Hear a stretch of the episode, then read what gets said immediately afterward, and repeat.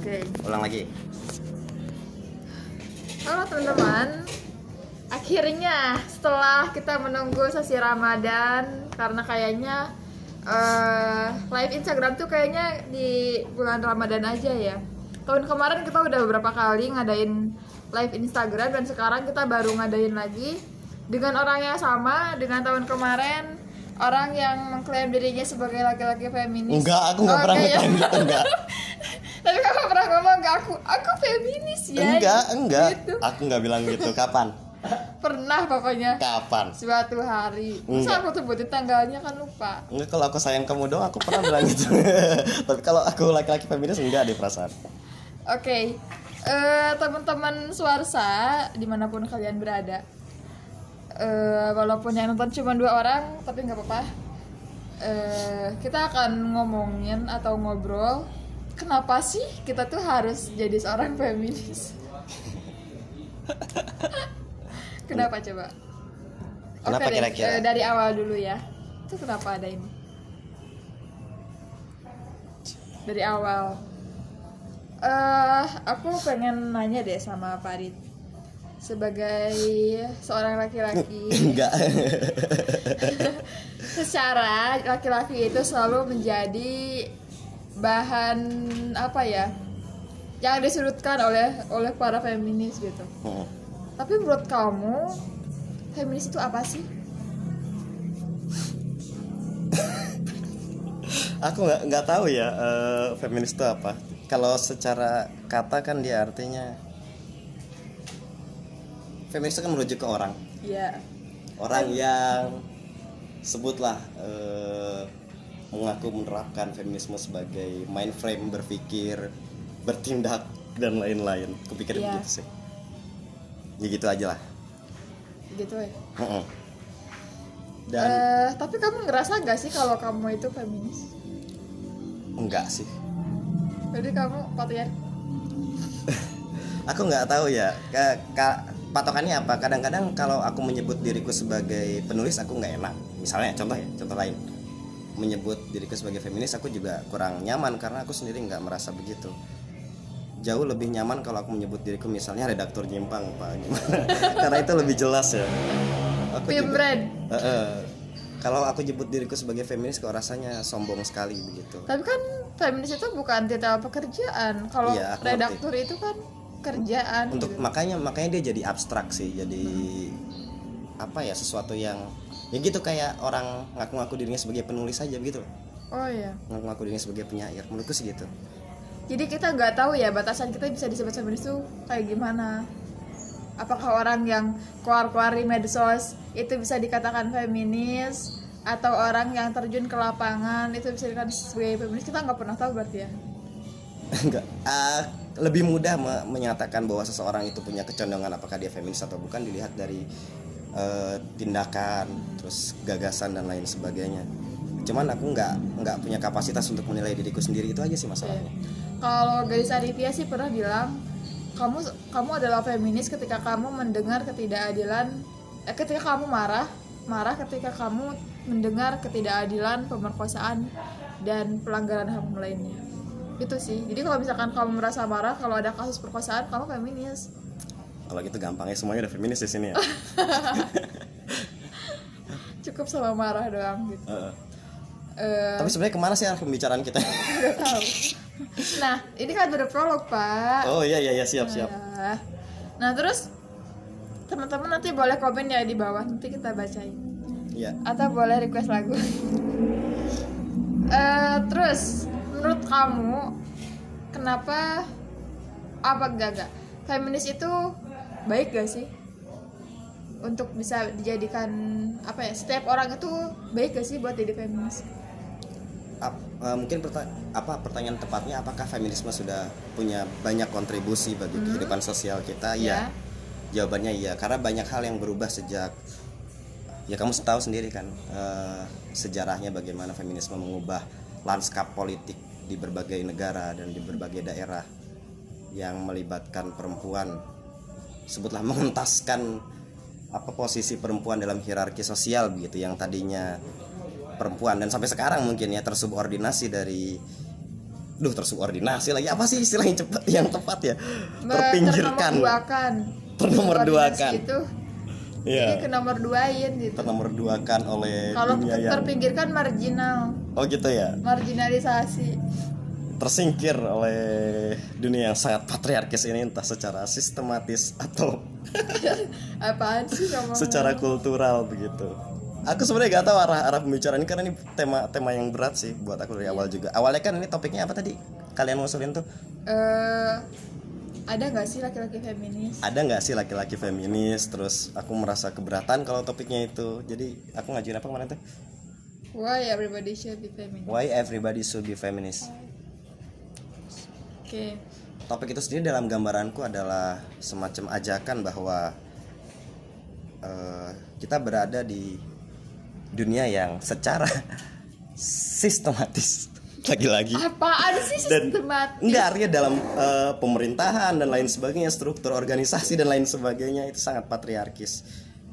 Dan everybody mesti menunjukkan sikapnya atau apa sih keberpihakannya terhadap mereka yang meras yang yang dinomor dua kan dan dalam hal ini adalah perempuan. Begitu. Jadi eh, kenapa topik ini aku aku sarankan berubah ya karena itu tadi. Bahwa kita tidak bisa pura-pura menutup mata ketika melihat ketidakadilan terhadap perempuan. Begitu saja sih. Kayak Oke. hmm, kasus Agni contohnya kemarin itu dan masih banyak lagi. Iya Eh, gabung dong. boleh sini ikutan. Deo sehat. Farid. Fitra. Ya yuk. Fitra Oke. dari mana? Teman-teman boleh nanya ya di kolom komentar nanti eh, aku bisa jadi feminis gak atau yang lain-lain ya? Jadi eh se- sebenarnya semua orang bisa menjadi feminis dan bahkan lebih baik kalau orang-orang di dunia ini menjadi feminis gitu Eh, artinya eh, dia akan sadar dengan posisi dia di ranah masyarakat itu harus ada kesetaraan harus ada keadilan yang berbasis gender gitu. Aku boleh merokok nggak tapi asapnya nggak boleh poe kamari, ya mau gimana tuh ke samping Oh. Oke, eh gini deh. Sebenarnya kan narasi feminis ini nggak banyak dikenal sama banyak orang ya. Iya. Ada orang yang berpikir pasti feminis. Bahkan parahnya itu ketuker sama feminin. Heeh. Jadi feminis itu feminin gitu. Banyak yang mikir kayak gitu. Kan kayak, yuk kamu kok nggak pakai rok? Lo emang kenapa? Kamu kan feminis. Feminin kali gitu, feminin kali bukan feminis. Oh, apa, emang apa bedanya? Terus aku nanya sama cowok kamu feminis gak? Hah, aku kan cowok, masa aku feminis? Aku cowok banget. Mungkin menurut dia apa sih? eh kebalikan feminin tuh macois bukan apa sih maskulin maskulin ya kan eh, menurut dia gitu padahal kan enggak seperti itu gitu dan eh kesadaran kesadaran seseorang untuk menjadi seorang feminis mungkin eh, perlu di- eh, dibutuhkan karena kadang stigma stigma atau pola pikir yang patriarki itu mengganggu banget Heeh. gitu. jadi patriarki Dengan itu apa Hah? patriarki itu apa patriarki itu apa ya mengedepankan laki-laki gitu daripada perempuan oh, atau ada ya. adanya ketidakseimbangan dalam suatu sistem nah Oh. mungkin seperti itu baik itu sistem cara berpikir dan lain-lain yang itu menarik sih ya soal apa ya kenapa banyak kesalahpahaman soal menerima gagasan feminisme ya? Mm-mm. menurut aku juga ada narasi yang selama ini miss gitu. Apa sih gagal disampaikan dengan cara yang jauh lebih sederhana dan efektif? Kayak misalnya bahwa yang kita lawan itu bukan laki-laki tapi iya ya betul. sistem yang patriarkis. Lagi-lagi sistem tadi itu. Entah itu yang dibentuk oleh kebudayaan yang sudah sekian lama Hmm? Dan lain sebagainya. Tapi masalahnya juga orang tidak paham sebenarnya patriarki itu apa. Iya. Dan itu mestinya menjadi tugas mereka yang sebutlah bergelut di bidang ini dan akhirnya disebut feminis.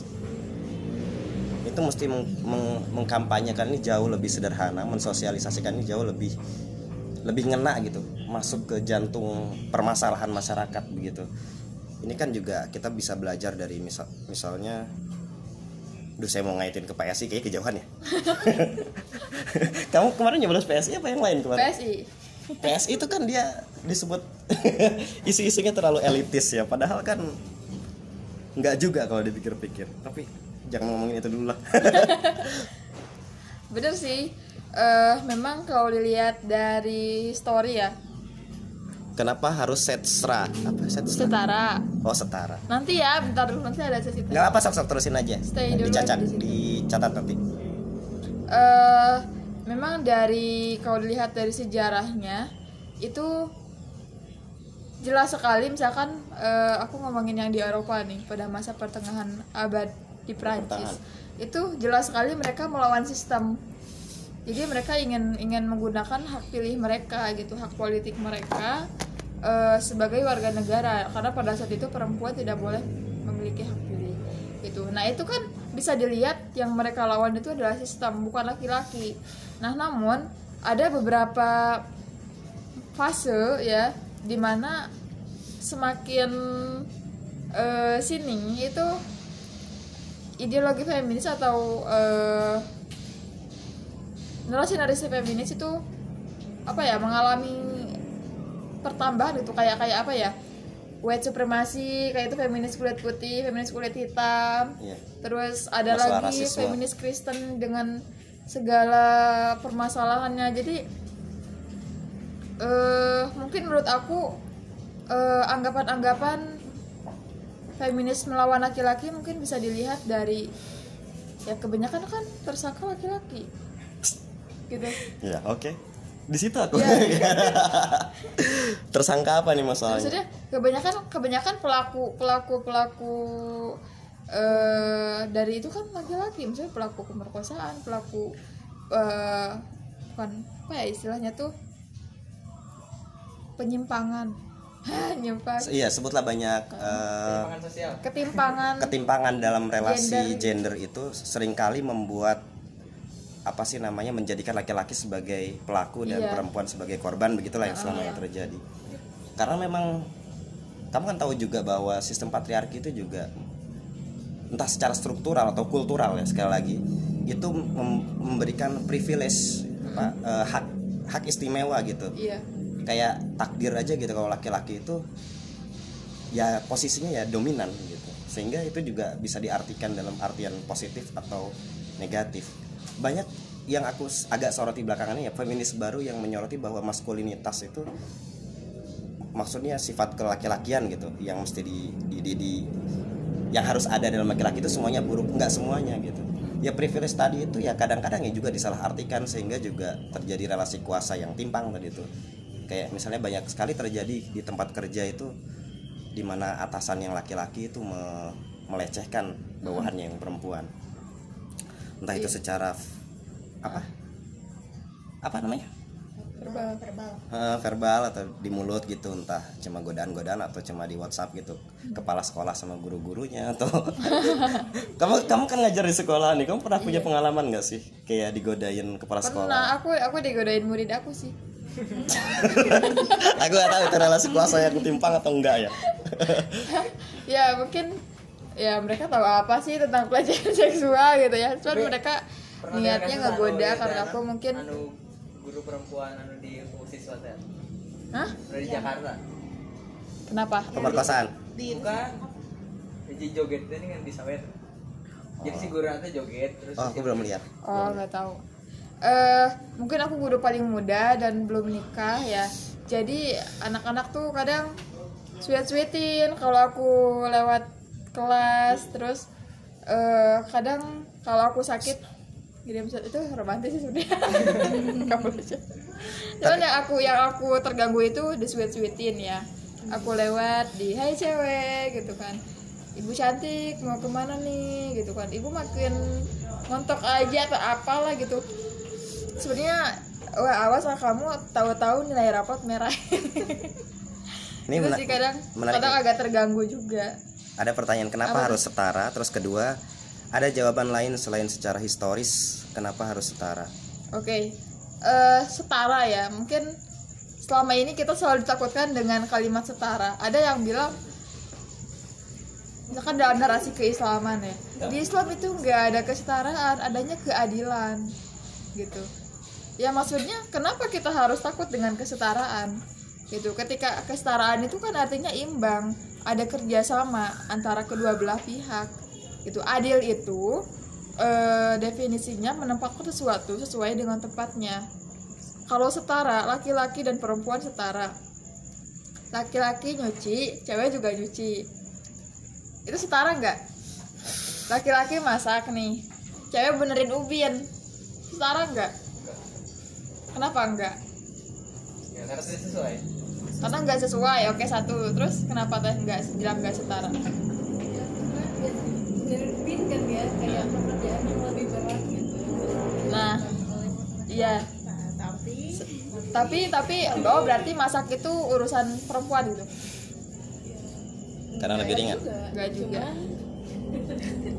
Mungkin terpaksa jadi malah makin Enggak sih, di beberapa kasus memang ada beberapa eh, kehidupan rumah tangga yang seperti itu. Jadi ceweknya eh, nyuci mobil, eh, ceweknya eh cowoknya masak, Yang masak. dan lain-lain.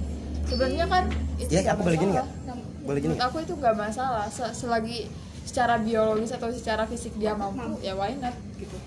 Menurut aku itu namanya kesetara- kesetaraan. Jadi kesetaraan itu bukan karena eh, ya kalau- cowok cowok kalau pipis berdiri cewek juga harus berdiri bukan kayak gitu setara itu maksudku eh apa ya ada Kata- kuncinya ada. kesejajaran gitu. Kata kuncinya konsen.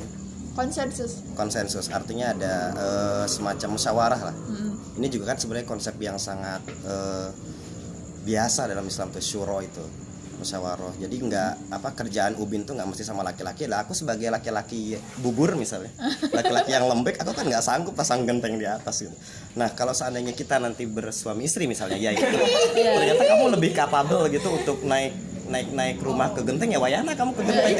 Ya waktunya kamu benerin genteng di atas gitu. Aku masak karena aku lelaki bubur misalnya. Karena aku laki-laki yang tidak masuk dalam definisi. Nah itu tadi patri balik lagi ya ke persoalan patriarki tadi yang membuat seluruh sistem sosial kita itu menempatkan laki-laki sebagai yang dominan dan superior. Dan tiba-tiba sudah ada deretan tugas. Semua yang berat-berat harus sama laki-laki. Padahal nggak seperti gitu kan nah Selagi ya gitu. mampu, ya Kan- kenapa harus beda-beda ini? Bener. Saya juga kan nggak sanggup ngangkat galon ya kalau dia apa sih namanya dispensernya yang tinggi itu loh. Itu kan brengsek itu teman-teman. nanti dibantu ya. Eh, maksud aku. Sehingga ya apa yang apa ya yang mesti didobrak dari patriarki itu tadi itu eh, mesti ada konsen gitu. Karena orang juga mesti melihat apa bahwa sebuah masalah itu bisa dipecahkan bersama-sama gitu. Mesti dahulukan musyawarah itu. Bahwa dalam kehidupan apa sih namanya relasi gender itu juga mengutamakan eh, apa sih yang nggak saya bisa tanpa embel-embel saya laki-laki? Apa sih yang saya bisa tanpa embel-embel saya perempuan gitu? Kalau saya nggak bisa masak ya sudah. Iya. kalau saya sebagai perempuan gitu. Hmm. kalaupun saya bisa manjat tebing sebagai kok manjat tebing sih? Apa Menurut aku sih bukan sekedar menginginkan kesetaraan, tapi bagaimana para feminis bisa memperjuangkan ini dari punya cuok ya. Siapa sih namamu ya Allah? Menurut aku sih bukan sekedar menginginkan kesetaraan, tapi bagaimana para feminis bisa memperjuangkan hak-hak para kaum perempuan dari ketidakadilan perlakuan industri atau peraturan adat atau kebudayaan yang mengekang. iya itu juga maksudnya salah satunya ya maksudnya Hmm. eh agenda yang diperjuangkan oleh feminis sebenarnya banyak banget mungkin yang tadi kita jelasin salah satu dari beberapa eh, perjuangan kita ya salah satunya bener banget dari Kang Cuoks ini siapa sih nama kamu please kamu yang daftar di swasta Cuoks, cuoks ketidakadilan itu kan ujung-ujungnya keadilan. Lah keadilan tanpa kesetaraan itu gimana sebenarnya? ya kesetaraan itu ya keadilan itu sendiri. Enggak sebenarnya nggak ada perbedaan sih. Misalnya kayak kalau kita mau balik ke ter- terminologi Islam tadi, Inna Allah yang bil adli wal ihsan itu. Sesungguhnya Allah memerintahkan kamu untuk bertindak adil adalah satunya lagi ihsan, perbuatan baik. Aku nggak melihat ada perbedaan kesetaraan dan keadilan itu beda gitu. Antara keadilan dan kesetaraan. Yang namanya adil ya juga setara gitu. Artinya ya semuanya dibicarakan baik-baik dulu begitu, dimusyawarahkan dulu, ada konsen dulu. jadi Begitu sama sih. kayak apa ya semua makhluk di hadapan Tuhan itu sama itu masuk setara juga kan iyalah akhirnya kan seta- kesetaraan karena juga ini juga menarik karena bahwa apa sih namanya kaum perempuan dari ketidakadilan perlakuan industri. Karena itu juga yang dilakukan oleh kawan-kawan feminis di luar sana ya. Di antara kawan-kawan juga memperjuangkan hak-hak buruh perempuan hak menyusui seperti kemarin Iya, eh, perempuan mahardika itu terus cuti hamil terus apa lagi? Ya.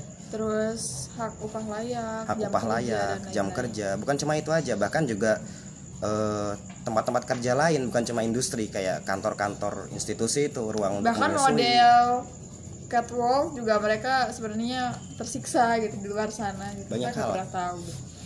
sebenarnya banyak sekali kalau cuok termasuk da- adat atau kebudayaan yang mengekang. Iya betul sama dengan lingkungan konservatif. Budaya budaya perempuan gak boleh pulang malam terus budaya perempuan tidak boleh eh, berpendapat jadi di dominan laki-laki misalkan di musyawarah RT gitu kan. Kebanyakan kan eh kalau misalkan musyawarah desa nih yang bersuara itu Pak RT atau atau tokoh agama di situ sehingga yang laki-laki. oh, laki-laki gitu. Perempuan yang bersuara itu kadang gak dipercaya. Di situ ada krisis kepercayaan. Nah itu juga masuk ke dalam budaya yang mengekang gitu. Sehingga perempuan tidak bisa bersuara dengan apa ya kapasitas perempuan itu nggak bisa nggak bisa diakui sih oleh masyarakat gitu. Karena itu juga didukung oleh agama juga. Itu ada contoh misalnya kesaksian satu orang laki-laki. Nah, itu berbanding dengan iya, kesaksian dua orang perempuan. Tapi sebenarnya di wilayah tafsir ya aku bicara tafsir karena backgroundku ilmu Al-Quran dan tafsir itu juga sudah banyak perluasan tafsiran eh, ayat tersebut. Juga khusus ayat yang sering kali dikutip oleh anti feminis uh, arijalu qawwamun 'alan nisa laki-laki dia lebih kawamun tuh apa ya? Lebih lebih unggul daripada perempuan. Kayak imam gitu. Mm. akhirnya ini juga menjadikan budaya patriarki semakin kuat karena mendapat dukungan agama atau doktrin agama. Eh, yang mesti dipahami bahwa doktrin agama juga dia punya wilayah yang bisa diluaskan gitu. Maksudnya kayak apakah kesaksian perempuan itu mesti dua berbanding satu laki-laki ya dulu memang begitu tapi kan sekarang nggak juga gitu nggak harus gitu. Karena dulu juga bahkan sekarang ada beberapa ulama yang membolehkan perempuan menjadi imam. Ya eh, di Amerika seperti Aminah Wadud. Ya bina di Indonesia yang darah Afifah.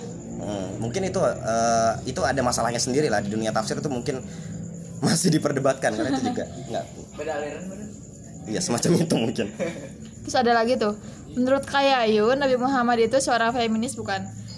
Kalau menurut aku ya, feminis itu kan kamu mentang-mentang cowok nanyanya ke cewek ya Carpro gitu-gitu amat sih nggak nggak bercanda eh, apa ya? Feminis itu kan sebenarnya istilah-istilah yang muncul baru-baru ini ya dari Eropa gitu. Tapi nilai-nilai yang diperjuangkan Nabi Muhammad itu sama dengan eh kefeminisan gitu, feminis yang diperjuangkan. Jadi dulu misalkan ya, Nabi Muhammad itu sangat eh, menjunjung tinggi keadilan gender.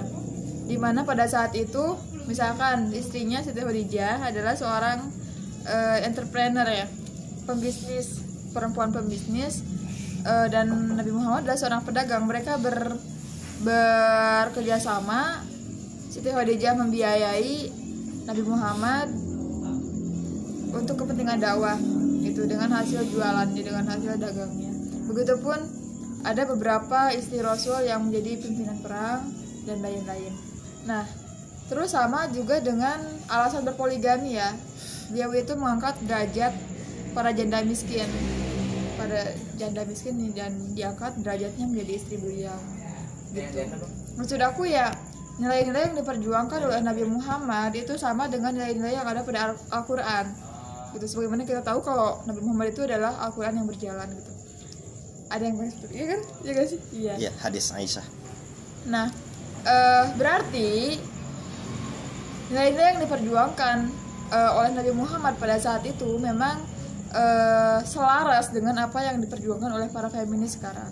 Baga- Bagaimana dia, eh, bagaimana para feminis menentang poligami yang tidak diinginkan, terus bagaimana feminis menentang eh, dominasi apa sih nama itu kalau pekerjaan dominasi domestik ya dominasi perempuan yang bekerja di ranah domestik Betul. sih istilahnya tuh nggak tahu aku kayak gitu-gitu deh pokoknya ya intinya eh, apa pun gender kamu itu tidak menjadi halangan untuk bisa terjun di ranah publik gitu sih menurut aku kalau kesimpulan aku Nabi Muhammad adalah, Adalah seorang feminis. feminis. Aku aku sendiri nggak berani menyimpul ke sana menyimpulkan begitu ya karena walaupun ini pertanyaan buat kamu ya. Ya ya dari beberapa ciri-ciri aja apakah dengan Nabi Muhammad itu kan berkontribusi dalam apa memangkas dulu tuh ada kebiasaan jahiliyah kalau perempuan ah, kalau bayi perempuan lahir itu dikubur kubur hidup-hidup hidup. Karena dianggap aib dan Nabi Muhammad ah, risalah awal kenabiannya itu yang menentang itu. Bahwa yang mesti diketahui bahwa pusat ajaran Islam di awal itu adalah kemanusiaan. Dan saya tidak melihat perbedaan antara feminisme dengan Islam dalam mempersoalkan kemanusiaan tadi itu sebagai poros utama ajaran itu loh. Iya. inti dari inti dari feminisme itu kan sebenarnya memuliakan manusia terlepas dari gendernya dan apa. Dan itu kan intinya kemanusiaan. Dan itu juga yang aku lihat dalam eh, apa sih namanya ayat-ayat makiyah itu seperti itu. Ayat-ayat makiyah iya ayat-ayat yang turun di masa-masa Nabi di Mekkah kalau Emma Goldman feminis oh iya. iya Emma Goldman itu feminis. Dia alirannya anar anarko ya. Jadi memang radikal kalau Emma Goldman itu. Kamu kalau misalkan baca beberapa tulisannya apa ya aku lupa judulnya tuh ada banyak. Salah satunya dia berkata apa ya, dia tuh seorang nihilis juga nihilis. Terus feminis radikal. Terus orang orang yang menentang pemerintah. Terus ateis juga. Jadi kalau misalkan kamu mau yang anar anarkis anarkis bacanya Emma Goldman. Recommended lah buat kamu. Ya buat peraha iblis eh. Iblis? Peraha LBS ya. Praha LBS kalau Emma Goldman feminis bukan. Kamu bagus deh Praha jawabannya sih iya gitu doang. Mau ke mana kak? Hati-hati di jalan. Jawabannya sih iya. Dia feminis. Dikenal begitu. Kalau kamu mau PDF-nya aku punya. Eh, kirim aja nomor kamu. Kamu cewek-cewek ya? Kalau Gerwani feminis bukan kak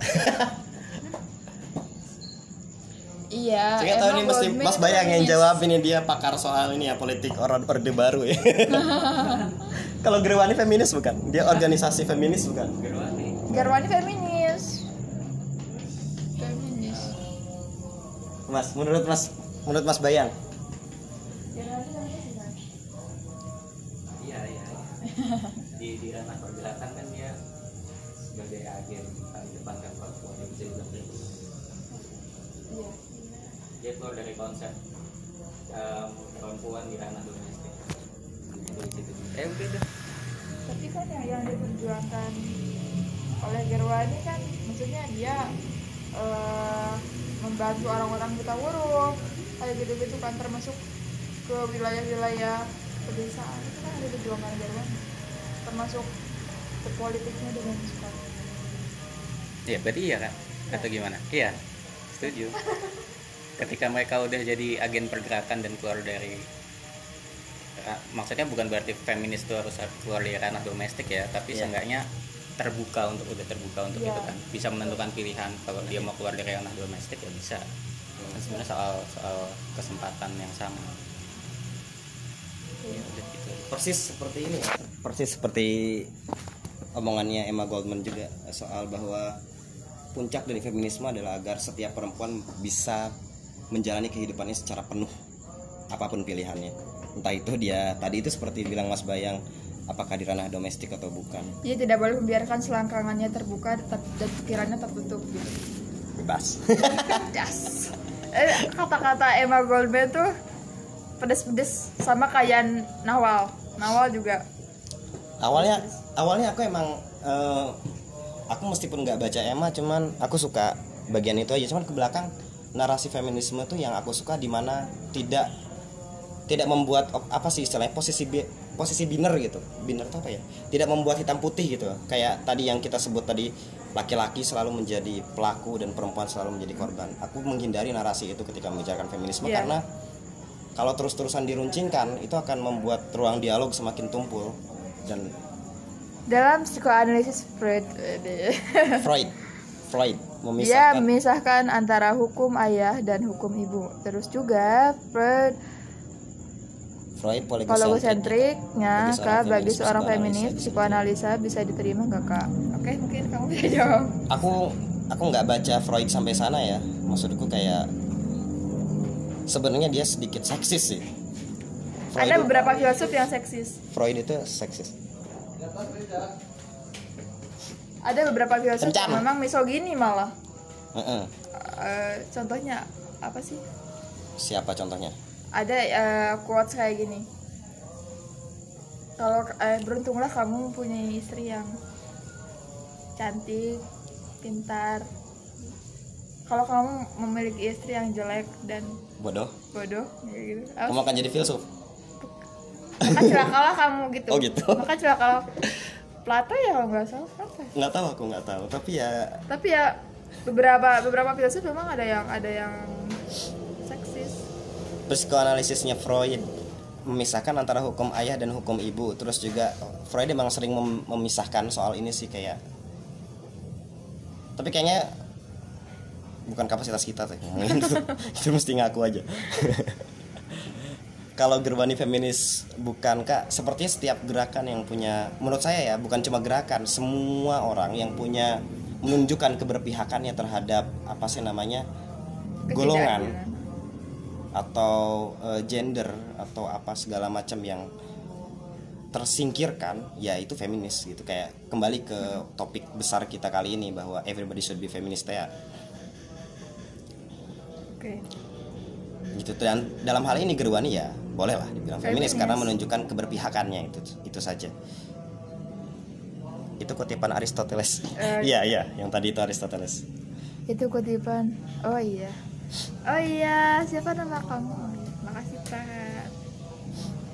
Jadi apalagi Deo menurut kamu Deo kita ngobrol lama-lama nih. Eh, menurutmu apa sih masalah apa ya kamu ada ada ada omongan nggak sih soal topik besar kita kali ini? Soal kenapa setiap orang mesti jadi feminis menurut kamu? Deketan dong deketan dong deketan dong deketan dong. Biar kita berteman gitu loh. Kamu nggak kelihatan Deo? Ya udah nggak usah. Ih usah. Oke kenapa tuh Deo? Aku di tengah. Kenapa Deo? Sok. Ini biar suara kedengeran Eh, kenapa harus setiap orang harus feminis ya itu biar apa ya biar eh, apa ya di alam raya ini gitu. Nggak nggak mesti harus ada perdebatan lagi gitu antara ya laki-laki perempuan tugasnya gimana po- eh, profesi segala macam. Semua yang berkaitan tuh nggak usah diperdebatkan lagi gitu biar ya kita sama-sama lah gitu sama dong gitu. Iya. Nggak usah di eh, ini harus kalau ini gendernya ini harus gini kalau yang ini harus gini. Nggak gitu dong kan? Iya. Jadi itu kamu- kan harus jadi perdebatan ter sekarang tuh masih rame aja gitu. Jadi kamu hakul yakin bahwa eh, terlepas dari soal dia laki-laki atau perempuan setiap orang dia harus. punya, punya potensi atau hak. hak untuk hak untuk memenuhi hidupnya atau untuk menjadi feminis gitu ya. feminis. Mungkin tidak harus mengaku-ngaku jadi feminis juga sebenarnya setiap orang yang berpihak tanpa disadari ya ya begitu sih kayaknya mah begitu ya. tapi ya, ya misogini itu merepotkan sih kalau menurut aku jadi ke- semakin banyak orang misogini ya semakin merepotkan kita sebenarnya baik gitu. Ada yang nanya lagi nggak Jadi misogini itu apa? ya orang yang membenci perempuan Membenci perempuan. dalam segi eh, kebiasaan adat ya perempuan juga ada yang misogini sebenarnya. Perempuan juga ada yang patriarki gitu. Jadi nggak mengenal gender sebenarnya nggak nggak laki patriarki itu nggak cuma milik laki-laki gitu. Misogini juga nggak cuma milik laki-laki perempuan juga ada yang misogini. Membenci perempuan gitu ya. Misalkan kayak gini ibunya era kartini itu kan dia patriarki ya. Maksudnya dia dia memaklumi eh, kebudayaan yang patriarkal seperti itu Hmm. terus be- begitupun tanpa disadari mungkin ibu kita sendiri juga patriarki. Dia eh, menyuruh anaknya untuk tidak kuliah atau tidak menuntut ilmu lalu menikah kayak gitu-gitu sih. Terlepas ini apa sih? Masuknya ke wilayah pemahaman kali ya. Sama kayak orang-orang yang memperjuangkan buruh lah ya teriak-teriak anti kapitalisme tapi kan masyarakat tidak tahu kapitalisme itu apa. Jadi biar orang-orang tuh paham tuh gimana mbak? Spesialisasi kerja yang terjadi setauku bukan cuma pada ranah antar gender aja. Ya aku nggak tahu apa yang mau dia, dia sampaikan tapi ya ada perbedaan apa ya akses selama ini. Misalnya bahwa laki-laki kebanyakan terdidik yang jumlah laki-laki terdidik itu jauh lebih banyak daripada perempuan yang terdidik atau mendapatkan akses pendidikan yang tinggi. Kita kan tidak tahu itu bagaimana bisa terbentuk mungkin karena budaya dan lain sebagainya. Dan apa yang kamu bilang itu ya sebenarnya juga aku nggak tahu. Apa bukan cuman pada ranah antar gender? Aku nggak nangkep sih pertanyaannya kayak gimana ya. Tapi eh setiap gender juga berhak untuk mengambil spesi spesialisasi itu gitu misalkan kayak gini bukan sih maksudnya eh pekerjaan yang kita anggap itu pekerjaan laki-laki apa hmm, kuli kuli bangunan Kuli bangunan. kuli bangunan misalkan kuli bangunan itu spesialisasinya Atau presiden lah. laki-laki Eh, terus bidan itu spesialisasinya perempuan. Perempuan. mungkin itu ya jadi ya bener. Tidak hanya tidak hanya ranah antar gender aja tapi apa lagi nih? Terusin terusin. Tapi lebih ke skill atau kapasitas kita gitu sebenarnya.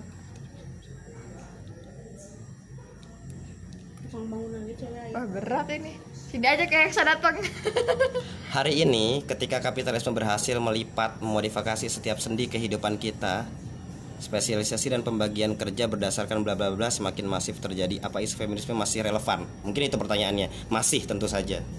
Karena tadi itu karena eh, pembagian kerja kan memang cuma bukan soal gender saja tapi juga pendidikan. Tapi juga akses pendidikan yang tidak merata kadang-kadang juga masalah juga masalahnya juga karena urusan gender. Yaitu Iya, tadi betul. banyak perempuan yang eh, kualitas pendidik apa kualitas kualifikasi pendidikannya lebih rendah daripada laki-laki. Itu kan menunjukkan bahwa eh, masyarakat kita itu tetap mengabadikan mengabadikan cara hidup yang patriarkal tadi itu yang Iya. kayak melarang perempuan untuk memenuhi potensi setinggi setinggi tingginya begitu.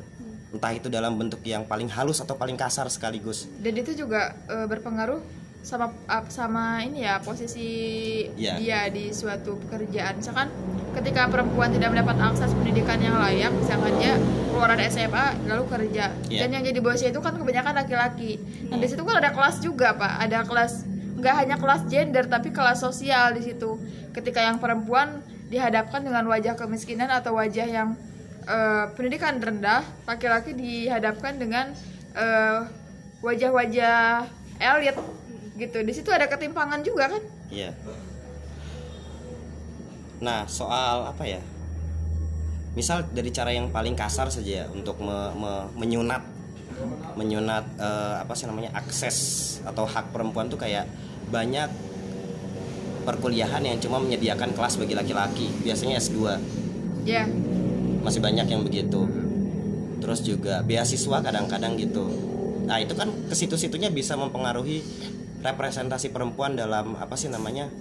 ruang-ruang yang punya dampak besar gitu. Sebutlah di meja DPR atau gimana itu kan perwakilan perempuan sedikit. Karena mungkin juga perempuan yang punya kapasitas untuk naik ke sana itu nggak banyak. Mungkin gitu. Termasuk perusahaan otomotif yang eh, menerima hanya laki-laki atau perusahaan mesin. Ya nah itu kan sekarang kan teknik mesin perempuan juga banyak gitu. Tapi ketika kita masuk ke ranah pekerjaan yang dicari laki-laki gitu. Atau secara halus tadi kalau secara kasar kalau secara halus juga gimana kamu ngelihat kayak ini paling gampang ya secara halus itu kan bisa terjadi dalam kehidupan sehari-hari kalau udah lihat udah S2 kamu tuh ya S2 udah kapan nikahnya sih gitu.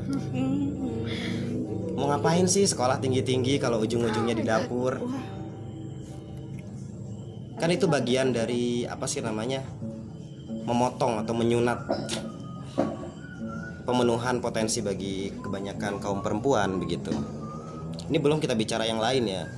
Selain perempuan karena juga LGBTQ juga bisa dibahas di sini cuman kayaknya nanti deh. Ini Ramadan ngebahas LGBTQ kafir ya. Hari ini atau ketika kapitalisme berhasil melipat dan mau? Oh ya, udah kejawab tadi. Kayaknya begitu sih. Tapi kalau Ya, kamu punya pemikiran lain kamu boleh boleh Maaf ya sampaikan juga. pemirsa.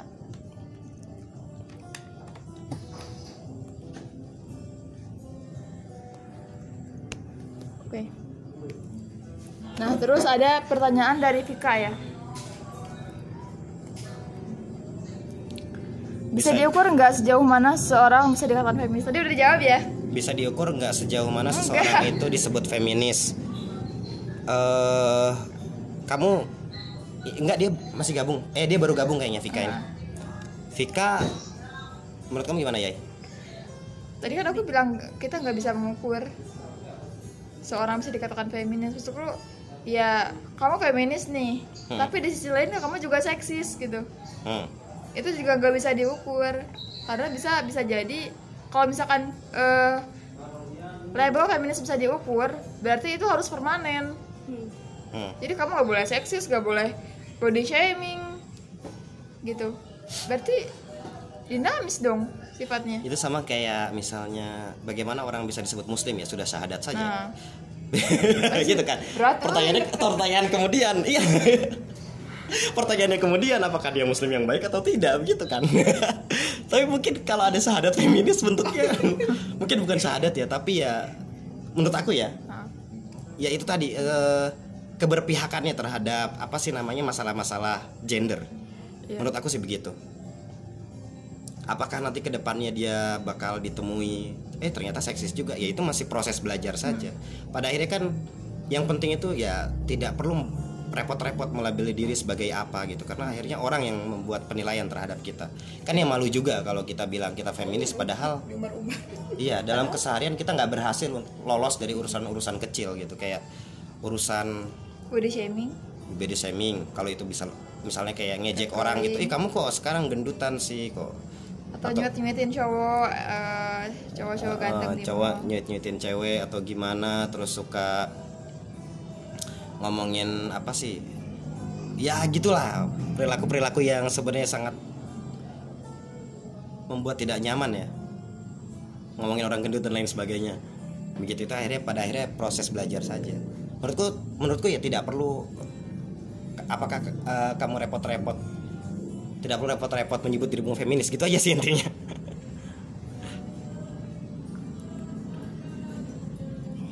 Ya nggak ada parameter nggak ada parameter Iya. pak. Kita tahu bisa melabeli orang feminis karena kita tahu konsistensinya dalam perjuangan konsistensinya dalam eh, mendakwahkan ide-ide dan lain sebagainya kita bisa melabeli orang lain karena kita tahu sejauh apa sih effort dia dalam perjuangan gitu. Kalau kita kan nggak bisa menilai diri sendiri. Gitu sama sih. kayak sama kayak kita menilai orang tuh soleha gitu. Ya. Nah kita eh, lihat dia misalkan sering sholat puasa senin kamis sholat duhanya rajin lalu kita melabeli dia seorang yang soleha tanpa kita tahu eh, sisi sisi yang lain dari orang gitu mungkin bisa kayak gitu ya analoginya. Iya. Begitu pun feminis gitu tapi itu nggak masalah sih maksud aku melabeli orang lain sebagai feminis karena kita karena apa ya orang berubah tiap waktu gitu nggak mungkin. Aku nggak nggak pernah nemu sih orang yang konsisten dari waktu ke waktu. Baik dari segi gagasan tingkah laku pasti semuanya ada ya ada perubahan. Gitu. Sama nggak kayak ada yang ajak bener kayak mantan pacar kamu kan banyak. Eh nggak ada hubungannya sih.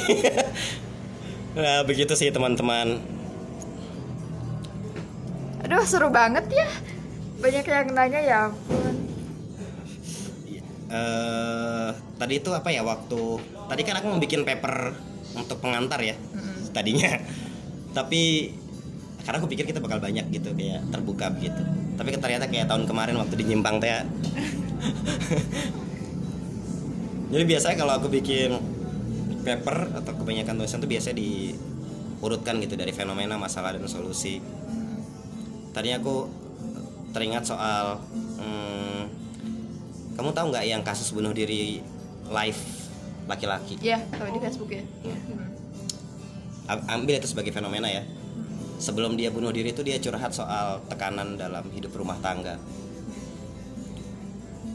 Nah masalahnya adalah apa bagaimana dunia yang sangat patriarkis itu mendorong seseorang untuk melakukan bunuh diri tadi itu? Karena dunia yang patriarkis itu menempatkan laki-laki itu sebagai pusat sebagai yang dominan tadi itu sehingga begitu dia tidak mampu memenuhi memenuhi harapan itu ya akhirnya depres kayak kamu sering dengar istilah ini gak sih be a man atau face it like a man Iya, iya. hadapi ini sebagai laki-laki Iya, betul. secara jantan Iya, betul. pernah dengar istilah itu itu Pernah, kan pernah.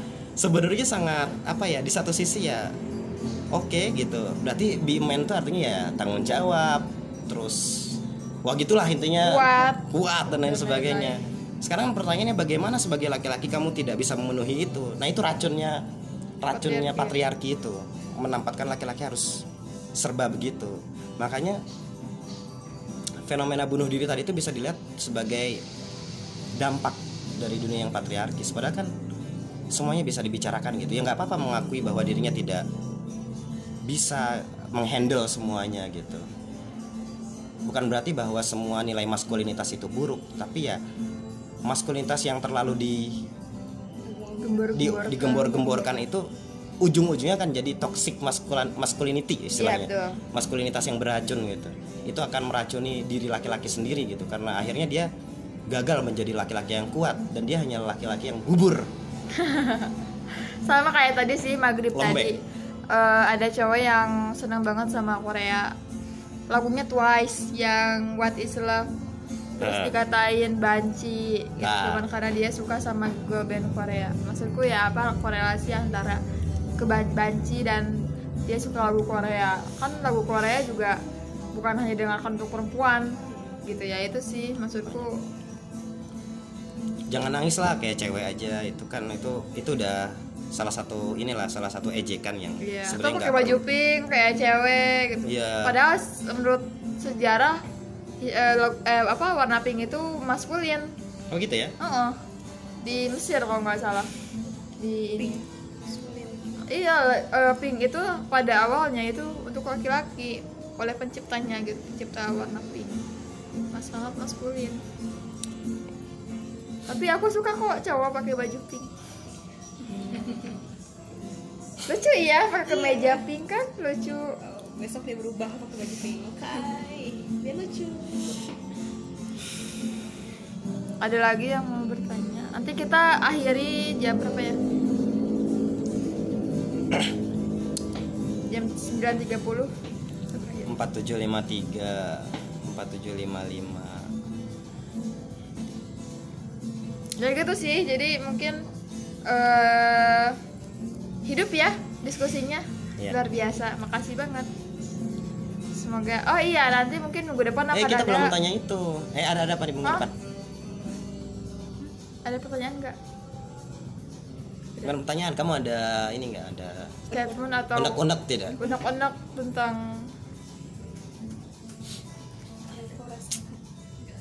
Nggak ada ya? di alam raya Nah, banyak hal lah yang apa sih membuat eh, keadaan menjadi semakin gak nyaman karena ada dunia yang patriarkis ini ya. Anjir. Kita emang itu emang nggak bisa dihindari tapi emang bisa dikikis sedikit demi sedikit. Ini salah satu misalnya salah satu contoh itu kayak teman-teman yang seusia aku misalnya usiaku 26 sekarang. Mau 27 kata. Ternyata Mas Bayang tuh 25 ya? Eh Mas Bayang berapa sih Mas? Mau 25 muda dia suwe sekali Mbak Yayu kalau pulang malam di dimarahin orang tua nggak? Aku nggak dimarahin karena orang tua aku jauh. sebagian besar banyak yang menggenerasi maskulin feminis terbatas pada gender Wah ini pasti Adam. pasti Adam. Eh, aku udah mau jawab yang punya cowok nanyanya ke aku lagi. Teh Yayu kalau pulang malam dimarahin orang tua nggak? Jawabannya enggak karena orang tua aku jauh dan mereka mengerti kegiatan aku.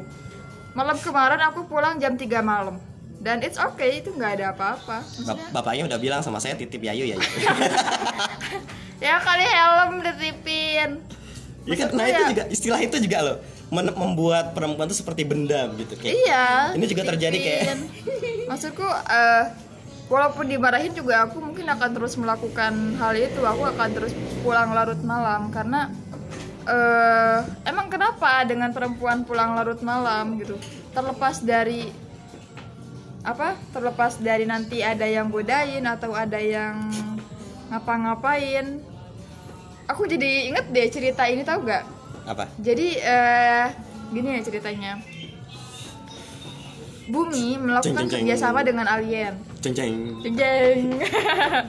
nah, pada saat itu alien dan manusia akan mengadakan rapat di bumi. Nah, alien datang.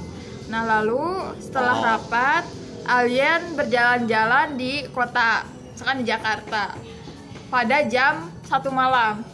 Nah, lalu alien bertanya sama manusia, loh, kok kebanyakan yang di luar itu laki-laki, perempuannya mana? Nah, manusia menjawab, oh, perempuan gak boleh di luar, bahaya.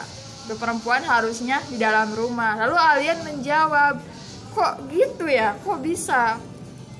Ya karena eh, di luar banyak orang jahat gitu, jadi perempuan harus di dalam.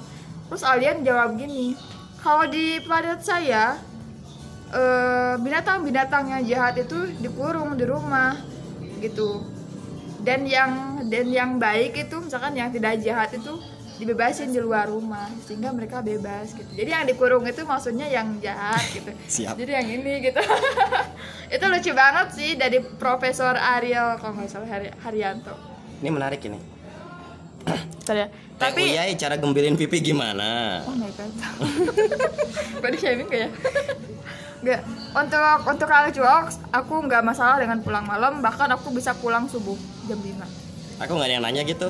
Kalau aku mah nih pulang kapan aja. Gak nanya, gak nanya. Kata ibu aku yang penting masih ada kepalanya. Sehingga keluarga bisa menyolatkan saya dan menguburkan saya dengan perasaan yang ya nangisnya nggak sehisteris kalau kepala saya nggak ada lah. Paling setahun sih udah itu nggak nangis lagi. Nggak nangis lagi, kepalanya nggak ada dia. Astagfirullahaladzim. Hex, ma, mas eh, Hexa nih, Hexa Space nih, Adam. yang punya rumah nih. Gini deh Adam, kalau kita bisa jawab gratis. Ya kopi gratis ya? Enggak, enggak, enggak, Bang Adam. Waduh, kacau kamu. itu kata kata itu kata Mas Bayang katanya. enggak. Sebagian besar banyak yang mengeneralisir maskulin feminis sebatas pada gender. Sebagian Menurut kamu gimana sebagai orang yang selalu disangka maskulin sama orang-orang? sebagian besar banyak yang menggeneralisir maskulinitas dan maskulin dan feminin mungkin maksudnya terbatas pada gender. Ya, itu pandangan umum sih. Menurutku itu enggak kalau maskulin itu pasti laki-laki, feminin itu pasti itu lebih perempuan. ke ekspresi sih ekspresi seks- seksual Enggak. ekspresi bukan seksual ekspresi seseorang gitu Enggak, terlepas pada dia akhirnya itu bentukan, bentukan dari patriarki itu tadi. ya itu kan masalah. Sehingga kalau kamu mendapati laki-laki itu tidak maskulin atau feminin kamu akan membuat dia tampak seperti laki-laki yang gagal. Laki-laki bubur tadi itu. Ini gi- gimana sih kalau laki-laki kalau mencet apa sih kalau apa ngegeser layar kok pakai jentik. Ini laki-laki gagal nih kayak tadi. Ini gimana sih kalau laki-laki suka Korea kayak banci? Iya. Sebutan banci itu kan bukan pujian. Di mana pujiannya banci? Banci itu kan peyoratif Iya. apa hinaan. Kamu nggak mungkin muji wih kamu banci gitu. Enggak banci loh itu ejekan itu. Itu juga pandangan yang salah sih selama ini. Maksud aku meskipun dia dianut oleh orang banyak bukan berarti dia benar. Tapi kemarin wah banyak yang nanya kemarin di Woman Smart sih eh, mereka malah meneriakan banci sebagai sarkas ya. Jadi eh, dia meneriakan sama polisi-polisi gitu. Woi pak polisi bencong juga bisa kali kayak kalian gitu. Terus polisi ketawa-ketawa gitu. Gue bencong nih gue bangga jadi bencong gitu. Jadi mereka lebih ke sarkas sih. Hmm. ya akhirnya mah konteks sih Oh, konteks, konteks. Di mana orang aku cuma minta saran aja soal ngegembilin pipi Oh, Berarti orang tua Mbak Yayu feminis ya? Ya enggak juga, maksudnya eh, mungkin kalau feminis dalam konteks eh, konsensus gitu. Artinya aku mengadakan kesepakatan dengan orang tua. Kalau misalkan aku ada kegiatan, boleh nggak aku pulang malam? Kalau kata orang tua boleh selama ya pasti ada unsur selama dengan laki-laki ya. Selama dengan laki-laki itu berarti aman padahal enggak juga gitu. Atau selama kamu bisa menjaga dirimu baik-baik ya it's okay. Kamu nggak apa-apa pulang malam gitu. Yang orang tua takutin itu cuman masuk angin angin malam. Nggak boleh nanti kamu masuk angin kamu gampang masuk angin